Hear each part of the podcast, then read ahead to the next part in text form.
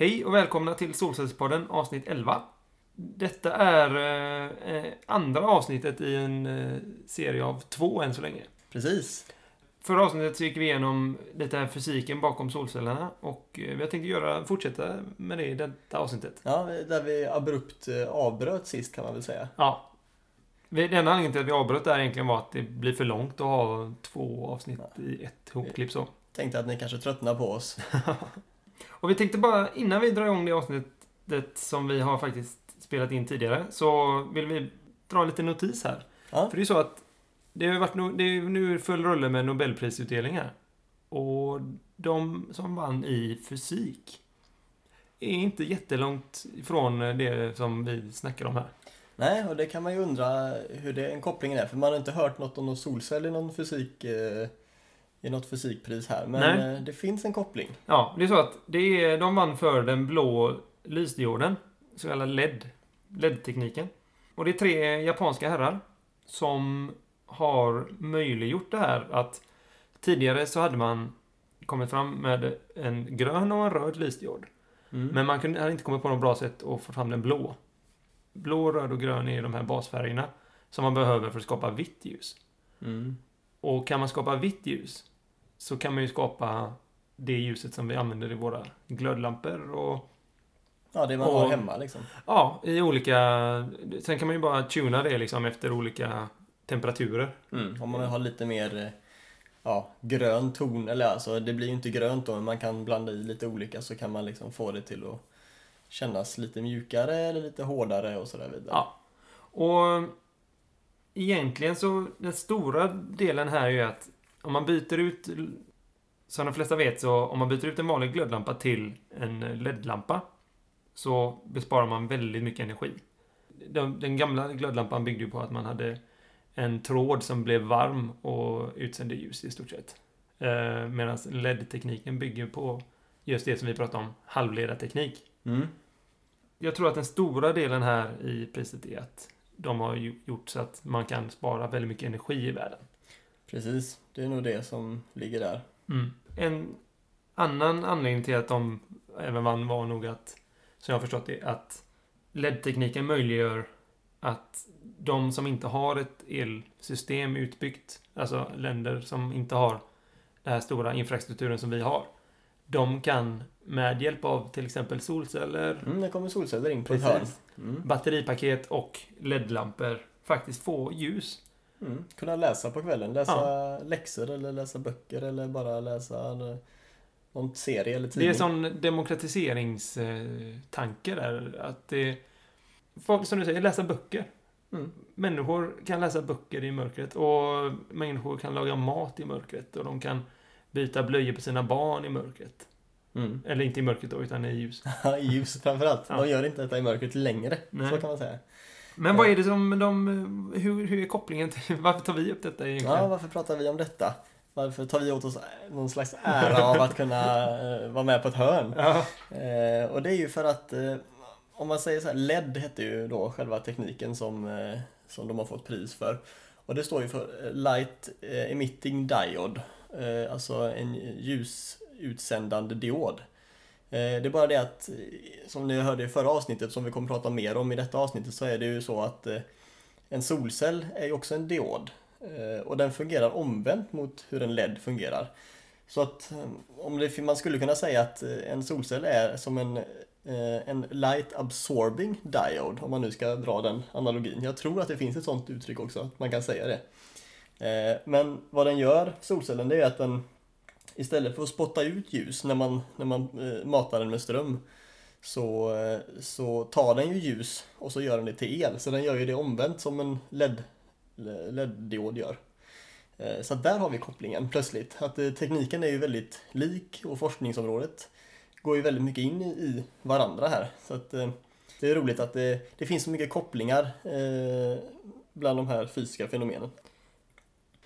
Det var egentligen bara en liten instickare här om, eh, om eh, Nobelpriset, men vi vill ändå ta upp det för att jag tyckte det var roligt att det knyter an så jäkla mycket till det som vi håller på med nu. Precis. Och så Ehm, får det lite dagsaktuellt. En liten grej för att knyta an till det som kommer i avsnitt 11 nu då är att det här blå lysdioden som vi pratade om. den har ett visst bandgap som är lite större än vad de här gröna och röda har. För att vi pratade om förra avsnittet att, att eh, det krävs en viss energi för att lyfta en elektron. Precis, Och- från, eh, från det här valensbandet till ledningsbandet som vi pratade om sist. Ja, och det har med bandgapet att göra. Och det är därför det tog lite tid för dem att komma fram med den här blå lysdioden. För att var- man behövde ett material, en halvledare, inte kisel alltså, utan en annan halvledare då. Som hade den här egenskapen. Att ha ett sånt här stort bandgap helt enkelt. Precis, och samtidigt kunna fungera som en LED med allt praktiskt vad det innebär runt omkring säkert också. Mm. Så att eh, nu har vi kickat igång här lite Ja, och eh, då egentligen är det inget mer att göra än att spela ingen. Nej, nu kommer jingeln.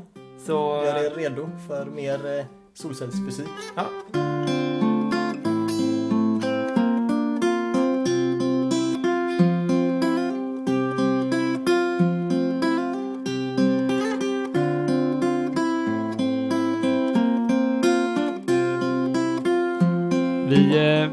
avsnitt 10 och avslutade lite abrupt Ja, utan det. att förklara hela allt det här.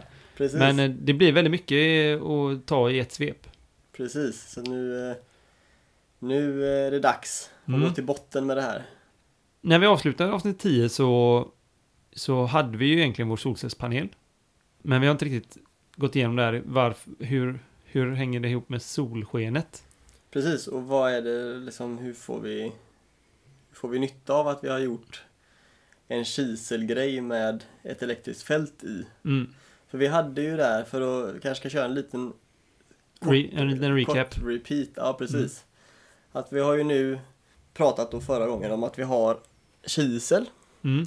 som då är lite dopat som vi kallar det. Alltså vi har blandat i lite ämnen som vi tycker verkar vettigt att ha i. I två olika blandningar, alltså två olika som vi kallar det för, jämför med att baka, Mm. två olika degar med, Mm. med kisel som har lite, den ena har salt och den ena har peppar i. Mm. Vilket motsvarar eh, fosfor och bor i verkligheten då, i, vår, i våran Ja. kiselmodell. Och om man sätter ihop dem så blir det ett elektriskt fält mellan dessa två degar, eller Mm. två stycken då typer av kiseldopningar. Och det är det som eh, man kan säga utgör den kiselskiva som ligger inuti solcellspanelen som man ser när man tittar på en solcellspanel som sitter på ett tak. Så ligger det först en, en N-dopad sida som har eh, lite fosfor i sig extra och sen precis bakom det så ligger det en skiva som har lite extra eh, bor i sig. Eh, och då blir det ett elektriskt fält mellan den främsta sidan av solcellen och det som ligger precis lite innanför, alltså längre in i solcellen. Mm. Och det här fältet, elfältet som blir där, det är bra att ha. Vi pratade lite om det här att solen innehåller solstrål eller solenergin kan ses som partiklar eller som eh, vågor eller så. Och de här, om man skulle se det som partiklar så kallar man det fotoner. Och då kan man nästan jämföra det med en elektron.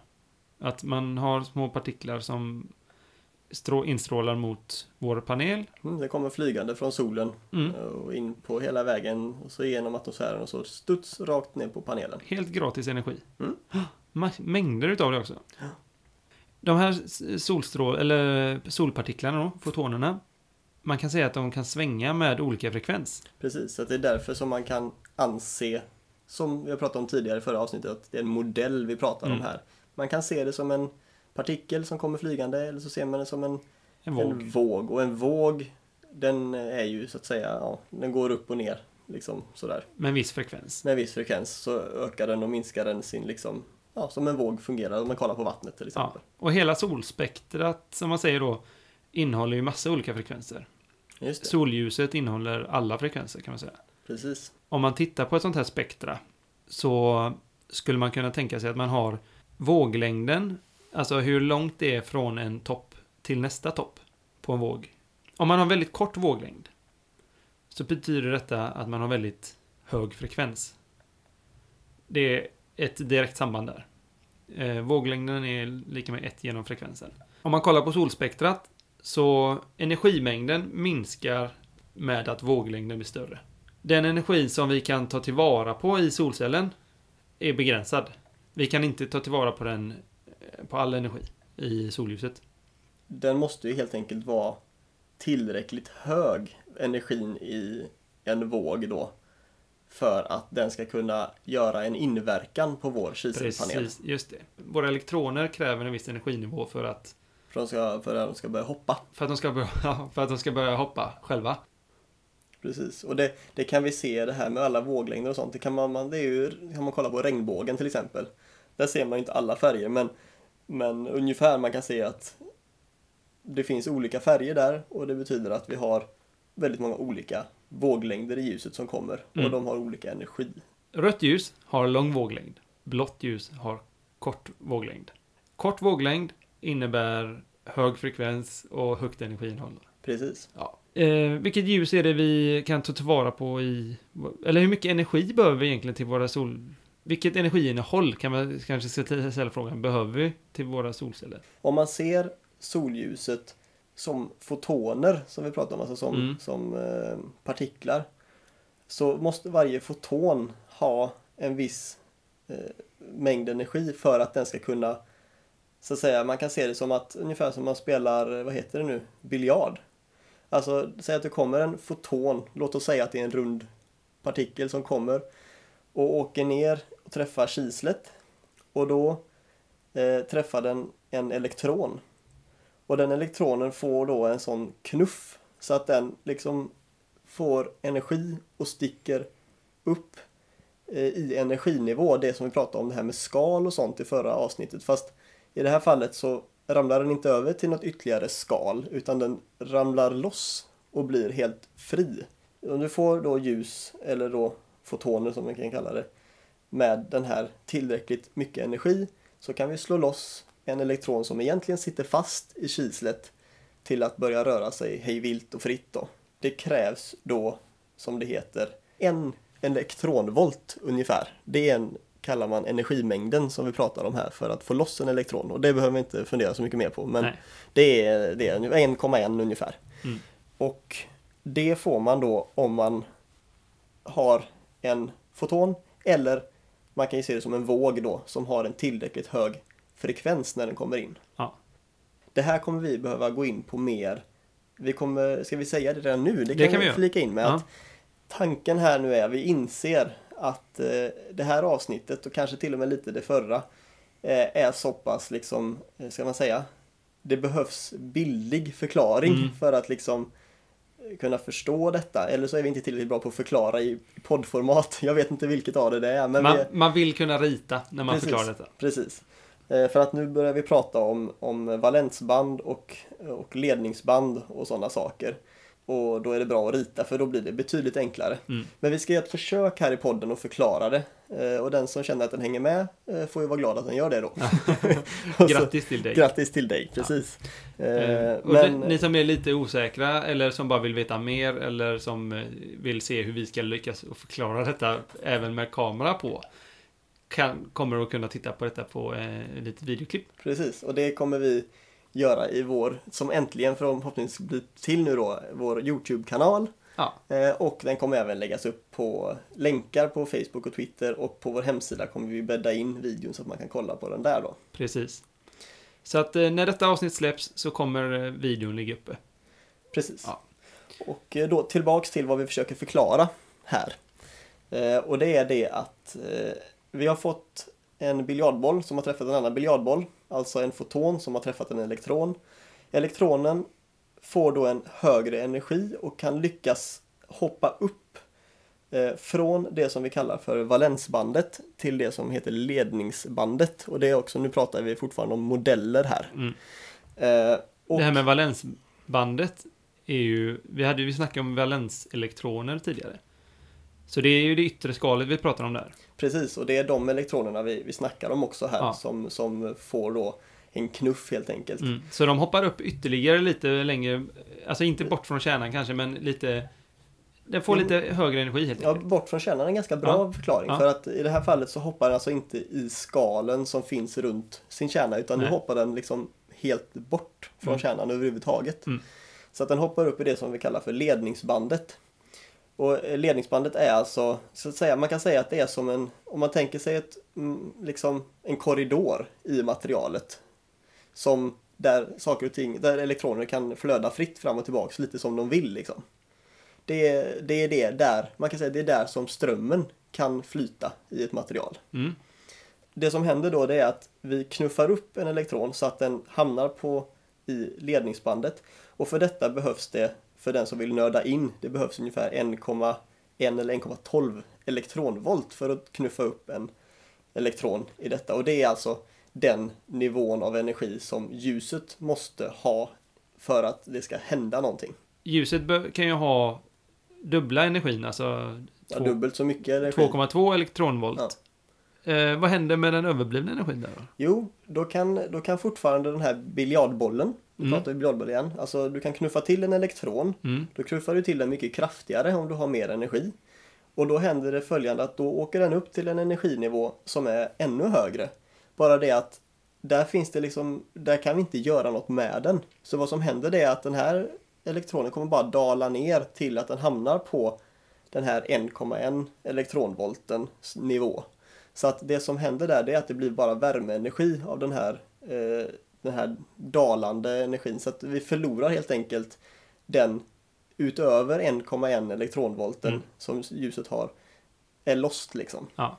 Så att eh, egentligen så hade det varit optimalt om vi bara fick, eh, ja, så kan man kanske inte säga, men det räcker med energi på 1,1 elektronvolt när det gäller just kisel för att liksom få saker och ting att hända. Mm. Och det här med elektronvolt är att man, det är bara ett, ett, en, för, en förenkling Det är en, av, det är en, det är beskri- mått. precis, Eller, det är en energi. är, ja. Alltså eh, istället för, säg watt så. mm, Fast ja. eh, nu pratar vi, i de här termerna så pratar man om elektronvolt som en energi.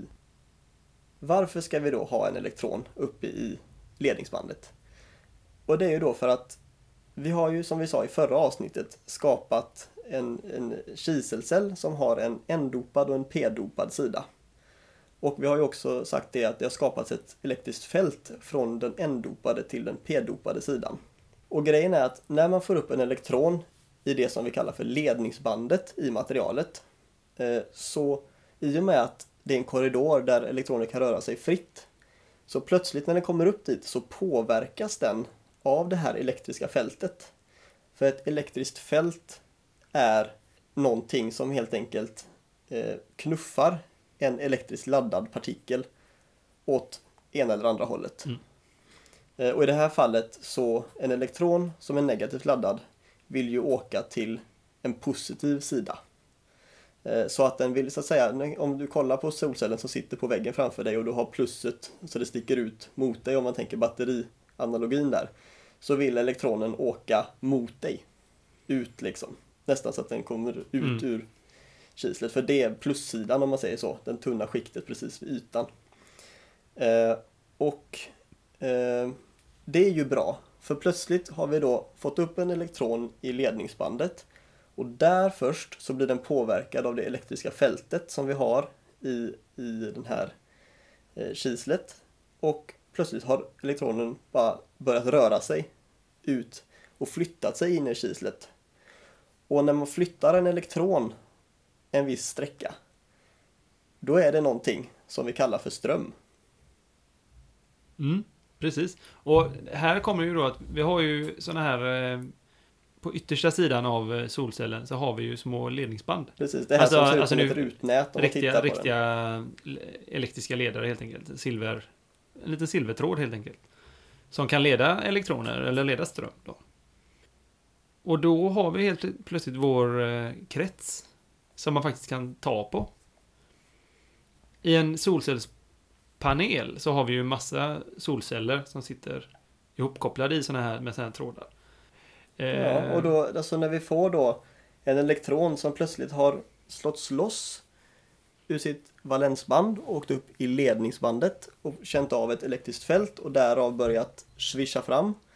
Så swishar den fram och så kommer den fram till den här kontakten, alltså det här som vi kallar rutnätet som sitter på framsidan.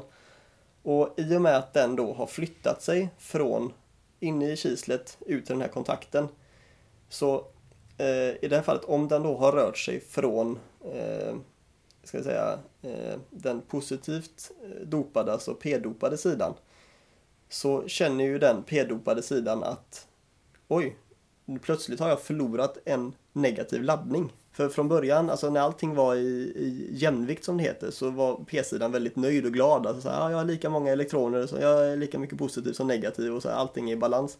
Men nu har ju plötsligt det elektriska fältet bara swooshat iväg en elektron ut till ledningskontakten som sitter på framsidan. Och då är då det här materialet där inne, det saknar ju den här elektronen. Men elektronen har, alltså det är väldigt osannolikt att den här elektronen åker tillbaks in i materialet och tar sig tillbaks dit den kom ifrån. På grund av att det här elfältet, den liksom är ju bara riktat åt ett håll. Den håller på att trycker ut elektronerna hela tiden. Precis, den liksom mm. trycker hela tiden på elektronerna. Mm. Och det är det som är så smart med kisel, det är därför vi använder kisel, för att den har egenskapen att kunna bilda det här, så att säga, trycket då. Och då tänker, tänker nu, nu pratar vi lite väl barnsligt kanske, men vi har en elektron då som inte kan ta, åka tillbaks igen, men materialet där inne vill gärna ha tillbaks den. Och då om vi då kopplar istället från kontakten så kopplar vi en, en, alltså, en ledning runt så att den kan gå liksom runt bakväggen och komma in på baksidan av solcellen igen. Så eftersom den inte kan gå tillbaks in i materialet så går den istället runt och kommer tillbaks på baksidan. Och då har vi plötsligt en elektron som rör sig i en ledning. Och då har vi en elektrisk ström helt enkelt. Eh, och det är detta som vi kan använda då? Precis, och det som är då, det räcker ju inte med en elektron i det här fallet. Utan i och med att vi har mycket sol då förhoppningsvis, så är det ju så att det är väldigt många elektroner som gör den här samma veva. Mm. Och väldigt många elektroner gör ju att vi får en, helt enkelt en högre och högre ström ju mer elektroner som, som lyckas ploppa upp först, hamna, i ledningsbandet och sen knuffas iväg ut av det här elektriska fältet då. Och eh, det är ju väldigt smart. Och sen ska man komma ihåg här att eh, om någon säger att ja, strömmen går faktiskt från plus till minus. Och det är ju mm. det man har definierat strömmen som. Eh, lite, det är alltså lite konstigt för man brukar prata om elektroner. Men det hållet som elektronerna går åt, i det här fallet från framsidan till baksidan, alltså från vår, så att säga, det här rutnätet på framsidan till baksidan av cellen. Strömmen är riktad i motsatt riktning mot det som elektronerna rör sig. Ja. Så att vi får alltså en ström som går från baksidan av solcellen och in i framsidan av solcellen om vi pratar om ström. Och sen ska vi... Eh, eh, det är väldigt enkelt att tänka sig det här att elektroner rör sig som en partikel liksom, i, i ledningen och så. Men egentligen så, så har vi ju är det ju vibrationer i det befintliga materialet kan man nästan säga. Att ledaren är eh, homogen och att vi har elektroner hela vägen där. Så att energin rör sig mellan elektronerna hela vägen runt om så här. Så att om man till exempel trycker på en strömbrytare så är det inte så att vi har en jäkla massa elektroner som samlas där nere i strömbrytaren. Utan vi har ju en kopparledning med elektroner i sig och så när vi släpper på strömmen så att säga så så eh, skapar vi ett elfält här som gör att vi får massa vibrationer i elektronerna. Detta är eh, bara en liten förtydligande. Men... Ja, men det är viktigt ändå att veta att ja. det, det, är elektromagnetiska vågor som, som mm. blir de här vibrationerna vi pratar om som går genom ledningen. Så Det är ungefär som att man ska tänka att det är inte så att till exempel om vi har ett vattenkraft i norra Sverige, ett vattenkraftverk i norra Sverige, så sitter vi här i Göteborg och klickar på kontakten.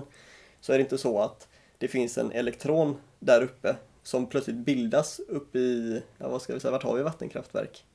Ja, i älvarna. I älvarna, så bra är vi på, på geografin. Ja, någonstans uppe i älvarna så är det inte så att, den, att elektronen där uppe svischar fram med ljusets hastighet ända ner till oss och liksom tänder vår lampa här. Utan det är alltså, de liksom beter sig, alltså de knuffar på varandra om man säger så. Det blir som en biljardeffekten där egentligen ja. också kan man säga att det är liksom bollarna rör sig inte så värst mycket men men, eh, men dess, eh, den sista bollen rör på sig. Precis, som en sån där, som, hur ska man förklara det? Så här, som tickar fram och tillbaka. Ja. Som eh, man i alla filmer med professorer alltid har på skrivbordet. Ja. En sån där boll som tick, tick, tick. Ja, nu förstår jag. Jag illustrerar det här med händerna. Jag tror inte det är så tydligt i podden kanske. Men eh, det är Men samma det, grej. Ja, ja, det var lite förtydligande i alla fall. Ja. Så eh, om vi är tillbaka i vår solcell så är det så att eh, det är enklare att tänka så att det är en mm. elektron som åker runt i kretsen. Men eh, mm. det är inte riktigt så. Och nu pratar vi modeller igen så att ja. det här det är bara för att förklara saker och ting här. Men det är ju väldigt trevligt att vi har en, eh, en ström nu. Ja, en ström och ett spänningsfall. Precis. Eh, det betyder att vi kan... De här elektronerna som rör sig i vår lilla krets, vi kan ju likväl låta dem utföra ett arbete på vägen. Precis. Och det arbetet kan man säga kan man eh, illustrera genom att man sätter något slags motstånd för de här elektronerna så de inte kommer fram lika lätt. Ja. Och det är det som är resistans då. Då kommer man in lite mer på elläran. Eh, Men det här motståndet kan vara vad som helst. Det kan vara en lampa, det kan vara en eh, motor, det kan vara liksom... Men man kan använda den här strömmen till vad som helst i stort sett. Det, man kan göra det mer avancerat än så här. Alltså man går in och grötar Mm. lite. Man kan säga så här, det är inte helt självklart att när, man då, när en elektron träffas av en foton och exciteras och flyger upp till ledningsbandet så är det inte säkert att, för vi har elfältet bara, den är ju bara mellan den här P och N-dopade sidan Mm. i materialet. Och den delen som har ett elfält i sig, den är förhållandevis liten eh, om man jämför med hur tjock hela solcellsskivan är, om man säger så. Så att bara för att du eh, skickar upp en elektron i ledningsbandet så är det inte säkert att den bara swishar ner och enligt elfältet då. Utan eh, det finns en risk att den istället eh, hoppar ner tillbaks igen. För att den, liksom, den kan inte vara i ledningsbandet så länge utan då kanske den hoppar ner och förlorar sin energi. Då sänds det ut värme istället. Eh, och då förlorar vi ju en potentiell eh, liksom, eh, elektron som skulle kunna gå i kretsen då. Det här det egentligen kommer in kvaliteten på en solcell. Alltså, man kan säga ju bättre ett solcellsmaterial är på att hålla elektronerna kvar uppe i ledningsbandet. Alltså, man vill förhindra att den liksom ramlar ner igen Eh, innan den har sugits åt av elfältet. För att om man, låter, om man lyckas hålla den i, i det här ledningsbandet tillräckligt länge så kommer den förr eller senare, liksom, den studsar runt där lite grann och till slut så kommer den ramla åt det hållet där elfältet är och så åker den ner. Liksom. Men om det går för snabbt att den ramlar tillbaks då tjänar det ju inget till att vi med sol, sol, solens fotoner skickar upp elektroner om det bara ramlar ner på samma ställe för då har vi inte kunnat utnyttja elektronen på något sätt. Eh, och till exempel ett monokristallin, en monokristallin solcell då. Där har vi för det första bättre förmåga för elektronerna att röra sig i ledningsbandet på grund av att vi har en, en struktur i den här kristallina cellen då, så monokristallin, som är liksom väldigt enkel att röra sig i. Så därför så är det lättare och mer sannolikt att han, den här elektronen kommer att komma till det här elfältet snabbare liksom.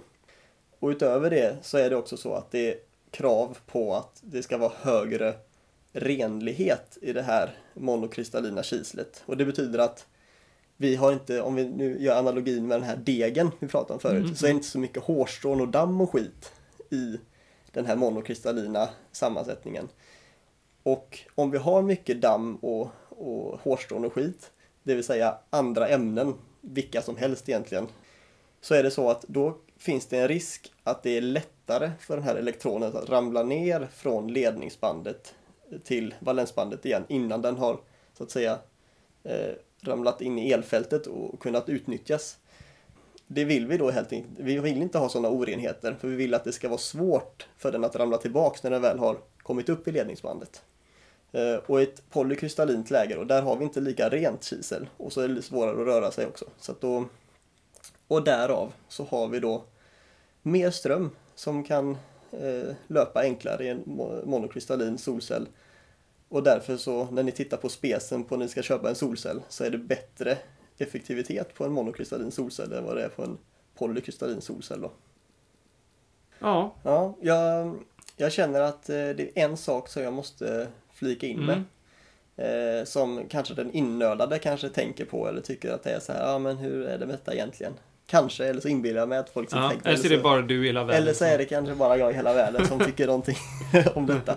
Men det är det att nu har vi pratat om att ha, här blir det ett elfält och så ramlar elektronerna ner där och så är allt frid och fröjd och så blir det en ström. Men alltså om vi har en resistans i den här kretsen. Alltså vi kan ju inte bara ha elektroner som oavsett hur trögt det är att gå runt i den här kretsen ändå kommer att röra sig på det här viset. Du menar om vi ökar eh, resistansen Ja, precis. oändligt stort? Precis, oändligt stor resistans. Kommer vi ändå kunna tvinga igenom några stackars elektroner i den här slingan? Precis, och då kan man ju tänka sig själv då att en oändligt stor resistans betyder i praktiken att vi helt enkelt har en ledning säger vi och sen bara slutar ledningen.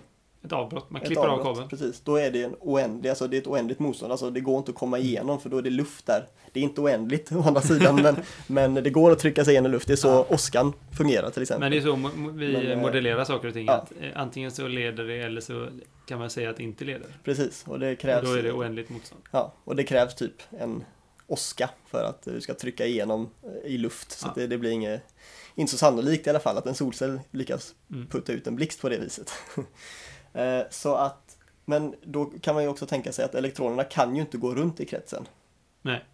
Men ändå så fungerar ju den här solcellen så som vi sa. Och då är det det som gör att det liksom går ihop sig är det att när vi får ett avbrott på den här sl- sladden då då lägger man, bygger man upp en spänning mellan den änden som så att säga vill putta in elektroner och den andra änden där man då egentligen skulle ha anslutit ledningen tillbaks då. Och då har vi en spänning där. Och en spänning, det betyder alltså att vi får en ökad positiv spänning på, eh, på den eh, p-dopade sidan på elektronen, alltså på Mm. baksidan av solcellen. Och när vi får det, då bygger vi upp en positiv spänning där. Och om ni kommer ihåg detta nu, så är det den p-dopade sidan som när vi in, tittar in i cellen är negativt laddad. Alltså den eh, i elfältet som vi har byggt upp in i solcellen så är den negativt laddad. Om du plötsligt då trycker på med positiv, alltså du bygger upp ett positivt, eh, positiv laddning nu på den här p-sidskontakten på grund av att vi inte har någon sladd som ansluter. Och då blir det ju plötsligt ingen negativ för då tar ju den positiva laddningen, den liksom den tar ju ut den negativa. Så till slut så har vi ingen negativ laddning kvar i det här eh, p-dopade materialet. Och plötsligt har vi inget elfält inne i solcellen för det finns inte en positiv och negativ utan det finns bara positiv positiv. Och då finns det inga elektroner som känner Mm. för att röra på sig. Nej. Och där har vi plötsligt ett, ett eh, status quo eller vad säger man? Mm. Det finns inget som händer och då går det ingen ström. Så att därför så går det ihop sig. Men eh, som sagt, vi, vi kommer lägga upp en eh, video där vi förklarar lite, lite mer eh, illustrativt. Sen kommer vi fortsätta, eh, inte riktigt på den här eh, mikronivån kanske i fortsättningen. Vi kommer vara mer Nej, praktiska. nu har ni nog tröttnat på den här Ja. snacket. Förhoppningsvis så har vi med detta avsnittet, eller de här två avsnitten då, kunnat förklara någorlunda fysiken bakom detta fenomen som är solcellspaneler egentligen. Varför eh, vi kan få ut el från någonting som inte rör på sig. Mm. Ehm, och för de som tycker att det här var ju väldigt intressant. Kolla gärna på videoklippet. Mm. Ehm, och eh, de som tycker det var ännu mer intressant, börja läsa elkraft. Mm, precis. Eller börja läsa mikroelektronik Ja. som är en delkurs i Mm. vår utbildning på, Ja. som elektro, inom elektroteknik. ja. Men då kanske vi tackar för denna gången. Ja, jag tror det. Ja. Kul att ni har orkat med oss, om ni nu har gjort det, eller så har ni hoppat över det här avsnittet och förra också. Och det är helt okej. Ja. För, då, för då nästa avsnitt så kanske ni tycker det är mer intressant när vi börjar prata om riktiga fysiska saker som man ser och tar på och allt det Ja, precis. Mm. Men eh, ja, då eh, får ni ha det bra till nästa gång så eh, kör vi ett lite mer hands-on och mer verklighetsanknutet avsnitt nästa Ja. gång. Tack så mycket. Ha det bra! Hej. Hej!